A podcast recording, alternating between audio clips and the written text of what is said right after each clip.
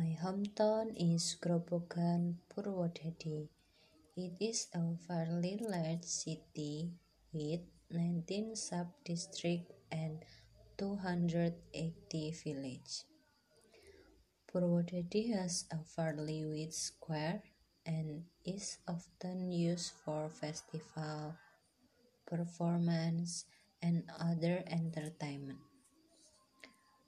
Purwodadi also has a green park, city forest, and there is also a monument known as Simpang Lima.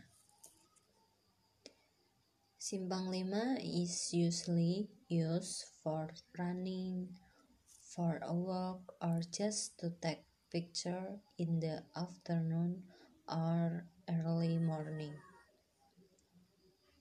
Simpang Lima is also often used for car free day even on Sunday.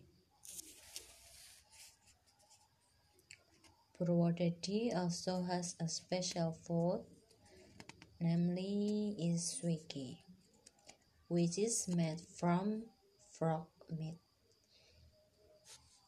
Usually, swike is taken from the type of a frog whose texture is considered to resemble chicken meat. In general, swike is served in the form of soup and given lime juice. The city, dubbed the Swike City, also has one of the largest reservoirs in Central Java, namely Kedung Ombo Reservoirs. Kedung Ombo is a dam that functions as irrigation, power generation, and water storage.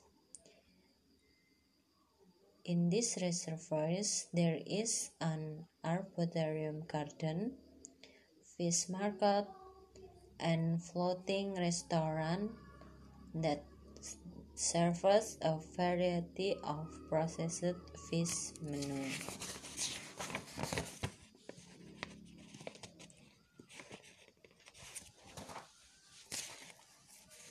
Her visitor can also get around the reservoir using boats rented by local residents.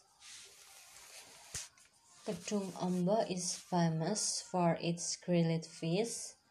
Apart from the fresh fish, the spices are absorbed and the sambal is very tasty.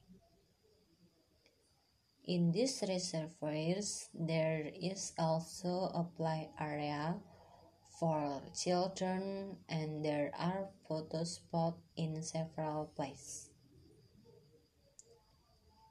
The reservoirs in these three regencies are always crowded with visitors on holiday because the entry tickets are cheap and the atmosphere is cool and the food spoils the stomach.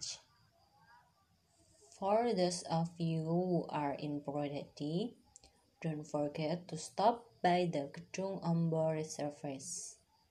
Thank you.